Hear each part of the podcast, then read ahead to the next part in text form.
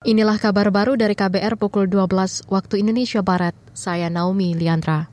Kita awali dari informasi pemilu. Kabar pemilu. Kabar pemilu.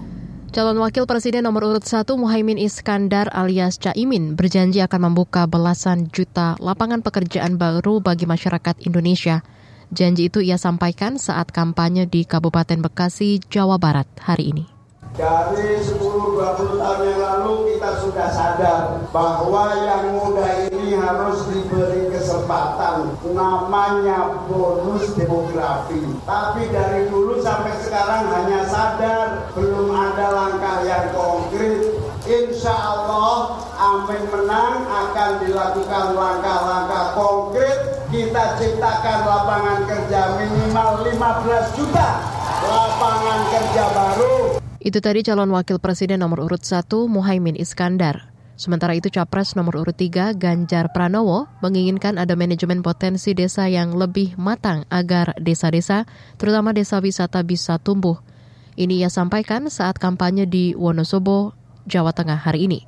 Sedangkan kemarin Prabowo memulai kampanye dengan berziarah ke makam Presiden ke-1 RI Soekarno di Blitar, Jawa Timur, yang meminta para pahlawan untuk dihormati. Saudara berkas perkara kasus ketua nonaktif KPK Firly Bahuri akan ditangani enam jaksa dari Kejaksaan Tinggi DKI Jakarta. Mengutip antara, pelaksana harian PLH juri bicara Kejaksaan Tinggi DKI Jakarta, Herlangga Wisnu Murdianto, mengatakan penunjukan enam jaksa dilakukan melalui surat perintah untuk menangani perkembangan penyidikan perkara tindak pidana P16. Mereka nantinya akan meneliti berkas dan memiliki waktu tujuh hari untuk mempelajari kelengkapan formil maupun material guna menentukan apakah hasil penyidikan sudah lengkap atau belum. Jumat pekan lalu Polda Metro Jaya melimpahkan berkas kasus ketua nonaktif KPK Firly Bahuri ke Kejati DKI Jakarta.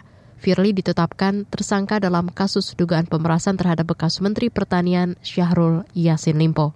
Rumah terduga teroris berinisial S di Desa Gelam Jaya, Kecamatan Pasar Kemis, Kabupaten Tangerang, Banten, digeledah Densus 88 Anti Teror Mabes Polri akhir pekan lalu. Mengutip antara Kapolresta Tangerang, Sigit Dani Setiono, hari ini mengaku hanya membantu Densus 88 mengamankan dan menjaga lokasi terduga teroris. Sejumlah barang diamankan dari ruangan kontrakan terduga teroris tersebut, antara lain komputer jinjing. Namun ia tak tahu berapa dan apa saja barang yang dibawa Densus. Terduga teroris tersebut menghuni kontrakan selama setahun setengah. Ia berprofesi sebagai penjual kopi keliling dan biasanya mangkal di area Pasar Kemis. Kejadian ini mengagetkan warga sekitar. Saudara demikian kabar baru dari KBR pukul 12 waktu Indonesia Barat. Saya Naomi Liandra undur diri.